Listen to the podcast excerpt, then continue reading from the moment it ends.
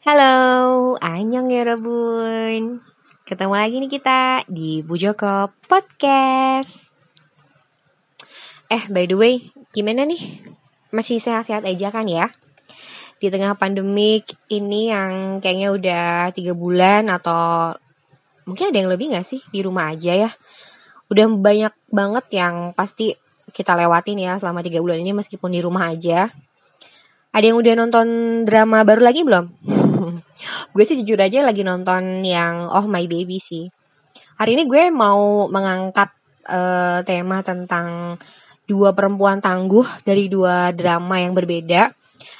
Tapi dua-duanya ini karakternya strong banget. Gue suka banget sih. Terus terang gue suka banget sama dua karakter cewek ini uh, yaitu Betami Betami dari drama triple w dot eh triple w dot www triple w lah ya.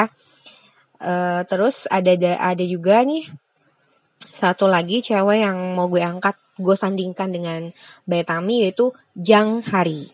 Nah kalau si Jang Hari ini dia masih dramanya masih ongoing gue masih ngikutin banget masih episode 8 deh masih episode 8 dan menurut gue ini seru sih yang hari ini uh, dramanya Oh My Baby. Nah, kenapa sih gue mau bahas dua karakter ini? Karena menurut gue ini cukup jarang uh, apa ya? Jarang ditampilkan sama drama-drama Korea zaman dulu gitu. Kalau dulu kan kayaknya uh, tokoh protagonisnya tuh kayak cewek-cewek baik, lemah lembut, ya terus gampang ditindas kayak gitu kan atau yang jenaka-jenaka gitu yang masih muda. Nah, di dua drama ini uh, si Betami sama si Jang Hari ini dua-duanya tuh strong. Mereka tuh uh, digambarkan sebagai sosok yang emang cantik, mapan, mapan banget karena mereka uh, punya karir yang sangat cemerlang. Kalau si Tami itu dia kerja di perusahaan uh, startup. Ya mungkin kalau kita ya you know lah startup apa, nggak usah lah gue bahas-bahas, gue sebut merek ya nggak. Dan juga si Jang Hari ini kerja di uh, sebuah apa ya redaksi kantor redaksi uh, majalah baby gitu. Nah, dua-duanya uh, karakternya strong, cantik, uh, karirnya sukses, dua-duanya juga lajang, uh, single gitu kan. Dan uh, satu lagi yang membuat mereka berbeda dengan drama-drama lain adalah uh, mereka ini lajang tapi di usia yang udah mepet gitu loh. Usia yang mepet ketika lo belum mencapai satu uh, standar kebahagiaan menurut masyarakat. Apa coba? Menikah. Jadi di usia mereka ini kan uh, di, mereka tuh digambarin ada di akhir usia 39. Eh di, di akhir berada di usia 30-an itu 39. Dan kalau nggak salah si Tami udah 40 tahun ya kalau gue nggak salah ya. Jadi kalau si Hari, Jang Hari itu berada di usia 39, Nah si Betami itu kalau nggak salah usianya sekitar 40 gitu deh. Dan mereka masih lajang. Tentu saja dengan wajah secantik itu masih lajang. Itu bukan karena mereka nggak laku sih, enggak. Atau mereka pilih-pilih banget juga ya enggak sih. Cuman karena mereka e, ceritanya tuh mereka terlalu sibuk gitu kan sama kerjaan, sama karir gitu kan. Ya menurut gue dan menurut gue ya menurut gue loh ini kalau nggak setuju ya sorry-sorry aja. Menurut gue tuh nggak apa-apa banget ya emang kenapa gitu loh. Maksudnya nikah atau enggak nikah itu kan pilihan masing-masing ya gitu. Selama nggak merugikan orang lain gitu. Dan lagi kan mereka juga di Korea juga. Kalaupun di Indonesia ada yang seperti itu ya gue rasa bukan tugas kita sih untuk ngehakimin iya lo kok nggak nikah nikah gitu. Selama mereka tidak melakukan kesalahan.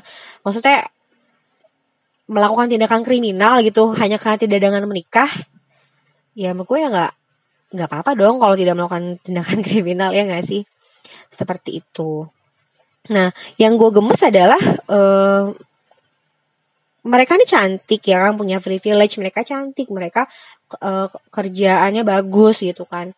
Terus juga mereka uh, apa namanya sama-sama punya karakter yang strong. Si Tami itu posisinya kalau nggak salah kayak apa ya head dalam satu divisi gitu deh. Keren banget.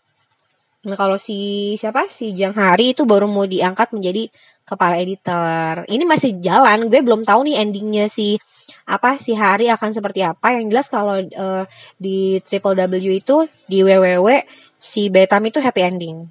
Nah, perbedaannya apa nih di antara kedua orang ini? Kalau si Tami itu tidak mau menikah karena dia tidak percaya dengan lembaga pernikahan gitu. Nggak dijelasin juga sih kenapa ya? Karena maksudnya Uh, kalau gue nggak salah ingat sih tidak di, tidak dijelaskan gitu loh. Apa sih yang melatar belakangi si Tami itu sampai nggak mau nikah? Yang jelas pasti ada dong yang membuat dia mungkin eh, nggak uh, percaya gitu loh. Yang nggak percaya aja sama pernikahan gitu. Nah kalau si hari ini nggak mau punya eh nggak mau nikah tapi mau punya anak ngerti nggak sebenarnya kalau si hari itu selain karena dia emang sibuk sibuk apa namanya kerja uh, si Hari juga kesulitan mencari sosok yang emang cocok buat dijadiin sebagai pasangan. Gitu kan. Tapi si Hari pengen punya anak. Tapi nggak sih? Kayak bingung juga gitu loh. Dia nih nggak dia belum nikah. Nggak bahkan dia tuh nggak punya pacar tapi dia pengen punya anak. Banget like ngebet banget sengebet itu gitu loh.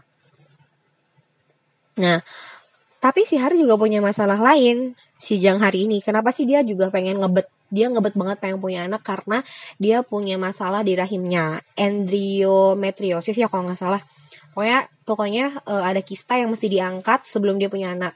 Eh setelah di kalau dia mau punya anak dia harus hamil uh, dalam waktu enam bulan hamil alami. Kalau enggak uh, dia bisa melakukan inseminasi buatan which is di Korea itu nggak boleh. Kalau belum punya belum belum menikah itu nggak boleh. Ya jadi si hari itu apa namanya dia harus hamil. Harus hamil karena nggak uh, supaya dia bisa punya anak itu karena dia pengen banget punya anak.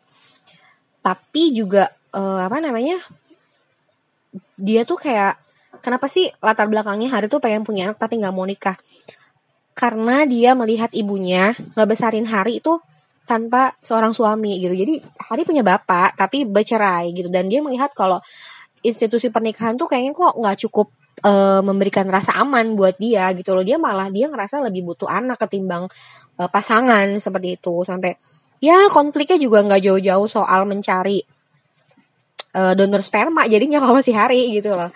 Nah, tapi ya uh, apa namanya? dari dua orang ini, dua karakter perempuan yang strong ini, yang gue suka ya. Mereka tuh uh, konfliknya sebenarnya mah simple, tapi mereka tuh kayak ini tuh hal simple yang dibikin ribet karena uh, prinsip-prinsip mereka gitu loh. Kayak si Betami ini sebenarnya dia punya apa kisah percintaan yang kayaknya sih ya diimpikan banyak perempuan gitu loh. Mungkin banyak perempuan di usianya si Tami yang Tami itu usianya 40 tahun tapi kemudian ditaksir sama uh, Jang Kyong gue lupa. Oh iya Park Morgan. Jadi si Jang Kyong di situ berperan sebagai Park Morgan dan dia tuh kayak naksir berat sama si Tami ini gitu loh. Dan perbedaan usianya tuh cukup jauh kayak 20 tahun apa kalau gue nggak salah. Kayak si si Jang Kyung tuh umurnya 27 atau 23 gue lupa. Pokoknya masih muda banget Jang Kyungnya which is uh, kayaknya di mana-mana memang masih agak tabu ya ketika perempuan usianya lebih apa lebih matang dibanding si lelaki. Padahal ya kalau sama-sama sayang ya why not? Ya nggak sih? Kayak gitu. Nah yang uh, bikin kisah cinta si Tami ini jadi ribet juga adalah karena seorang Park Morgan atau si Jang Kyung ini tuh sangat-sangat menginginkan pernikahan gitu loh. Awalnya mereka tuh nggak apa-apa pacaran-pacaran gitu kan. Tapi kok lama-lama dan si si Tami juga orangnya ya udah nggak apa-apa lah rezeki dong ya nggak rezeki anak soleha. Dia punya pacar ganteng muda, terus juga berbakat, karirnya juga bagus gitu. Yang jadi masalah adalah si Jang Kyung ini sangat-sangat ingin menikah gitu loh. Dia tuh secinta itu sama si Tami dan dia tuh pengen nikah sama si Tami gitu loh. Si Taminya ini nggak mau aduh bener-bener itu anak ya. Ya namanya juga drama cuy. Kalau nggak gini mungkin nggak seru gitu. Loh kalau lempeng-lempeng aja gitu. Dan menurut gue udah ya cukup berliku gitu loh si Tami ini. Gak mau nikah yang putus terusnya nyambung lagi. Tetap aja uh, bahwa masalah menikah dan tidak menikah itu tetap menjadi uh, problem yang menghantui hubungan mereka gitu loh. Nah terus kalau si hari ini keribetan cintanya si hari itu adalah dia karena dia memang tujuannya bukan nyari pasangan tapi dia mencari donor sperma gitu ya supaya bisa uh, melakukan inseminasi buatan gitu. Jadi dia agak ribet. Sebenarnya mah sederhana aja kan. Pilih aja satu gitu ya. Uh, tapi kemudian di tiga tiga laki-laki ini punya masalah masing-masing gitu loh. Ada tiga cowok yang satu orang dari masa lalunya dia bukan mantan tapi kayak ya mantan ge mantan calon gebetan gue gak ngerti lah gimana bilangnya. Tapi satu cowok itu uh, kandidat pertamanya karena hari kan memang tujuannya nyari donor sperma ya jadi karena dia pengen banget punya anak gitu loh. Cowok yang pertama itu adalah teman masa kecilnya yang kayaknya dulu hampir jadian tapi tapi nggak nggak jadi gitu loh karena dia nikah lalu sekarang jadi duda beranak satu which is uh, ya itu udah pasti subur lah ya dia gitu loh. Kandidat kedua adalah Han Isang. Ini gue nge-ship nge-ship dia sama si Han Isang Han Isang sih ya karena dia jomblo. Sorry kalau berisik ya karena di bawah ada motor ngegas nggak jelas gitu. Uh, Han Isang ini ada laki-laki uh, yang sebaya juga sama dia. Dia juga jomblo tapi pernah punya luka masa lalu. Jadi dia memang laki-laki yang agak ribet. Ini keribetannya dua-duanya. Yang ribet si Han Isangnya ribet ya kan? Gak mau. Jadi tadinya gak mau jatuh cinta, tapi kemudian ngeliat si Hari yang cantik menggemaskan gitu. Akhirnya jatuh cinta juga sebenarnya Han Isang, tapi Han Isang ragu-ragu karena ternyata dia punya masalah dengan kesuburannya. Nah yang ketiga ini dia tuh kayak Candy Eye gitu ya di drama ini karena you know dua laki-laki ini om-om ya ajusi-ajusi gitu kan. Di usianya usianya 40-an lo bayangin aja gitu loh 40-an kita juga enak juga gitu ngeliat yang ngeliat drama kok ini tuir-tuir semua gitu kan. Ada satu pemanis uh, kalau lo pernah nonton drama uh, yang sama si Kim Hyo Yeon tuh apa ya? Yang si haru-haru itulah gue lupa nama judulnya apa. Nah dia dari situ jadi cameo. Di sini dia cameo juga tapi um, apa ya dia dia dia uh, jadi memegang eh banyak scene ya di sini. Agak penting lah perannya kalau di di Oh My Baby ini. Dia muda dia juga subur kerjaan memang nggak terlalu mapan karena posisinya dia adalah seorang uh, apa ya bawahannya bawahannya si Jang Hari gitu loh di kantor. Tapi dia subur. Nah tapi persoalannya adalah dia masih muda banget. Ya kayak si Jang Kyung itu kayak si Park Morgan. Jadi usianya usianya muda banget terlampau jauh. Cuman menurut gue uh, apa namanya si cowok yang terakhir itu namanya kan perannya itu Choi Kang Eudem. Nah si Eudem si ini menurut gue nggak punya chance untuk uh, menjadi donornya si Hari karena dari yang gue pantau nih sampai sampai episode 8 ini si Hari sih kayaknya naksirnya masih iseng nih dan kemungkinan episode 9 ini, episode 9 nanti minggu ini nih ya, tayang hari Jumat atau hari Sabtu gitu ya. Karena gue selalu nonton uh, keesokan harinya setelah di Korea tayang gue baru nonton gitu. Nah, uh, kayaknya sih si Anissa akan mulai bergerak nih. Kalau gue sih jujur aja gue baper banget sih nonton drama ini gitu. Awalnya mungkin memang agak gak menarik kayak uh, karena drama tuh kadang gini loh, ada yang dari episode 1 tuh udah mulai ngegas gitu. Ngegas dalam arti, wah seru nih, seru nih gitu loh. Tapi ada yang kayak episode 1, episode 2 masih biasa aja. Nah, episode 3, 4 tuh langsung baru berasa enaknya gitu. Oh, baru berasa serunya nih drama gitu.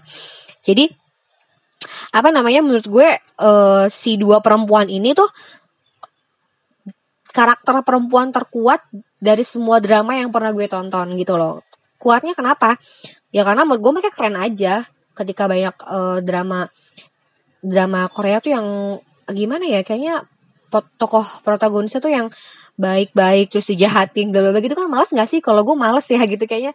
Aduh bosen banget gitu loh. Kayaknya sekarang tuh yang kayak gini justru yang segar-segar yang menurut gue juga emang fenomena-fenomena uh, perempuan-perempuan yang melajang atau yang uh, yang gak mau nikah di usia yang emang sudah cukup matang itu memang sekarang banyak. Dan kalau menurut gue ya nggak apa-apa juga gitu loh kalau emang orang lebih seneng kerja ketimbang nikah atau misalnya mereka juga bukan yang nggak mau nikah tapi karena memang uh, apa namanya mereka melewatkan satu fase di mana aduh kok tahu-tahu gue udah usia segini aja gitu loh. Dan menurut gue ya nggak masalah juga ya nggak sih? Jangan apa ya gue cuman pengen tuh orang-orang menganggap bahwa pernikahan itu kan ya kalau kita orang Islam nikah itu sunnah ya kan? Which is berarti kan kalau misalnya lo nggak nikah karena lo punya trauma atau apa itu juga ya nggak apa-apa dong. Iya nggak sih? Gitu loh. Asal lo nggak jinah aja. Ya karena kita kan ngomongin drama Korea yang memang uh, di sana kehidupannya bebas juga gitu loh. Tapi satu hal ya kalau menurut gue tuh uh, si Jang Hari yang yang gue apa namanya sorot jadi kasus Jang Hari yang juga relate di kehidupan uh, nyata bukan di kehidupan drama adalah Jang Hari itu adalah korban sih kalau kata gue. Korban apa? Korban dari standar uh, kebahagiaan masyarakat. Ngerti nggak? Jadi kayak Jang Hari itu buru-buru pengen punya anak dan sebenarnya juga dia dia pengen nikah cuman karena dia ngerasa aduh capek gitu ngapain? Nggak apa ya maksudnya dia nggak yakin akan menemukan orang yang tepat untuk dijadikan suami gitu kan.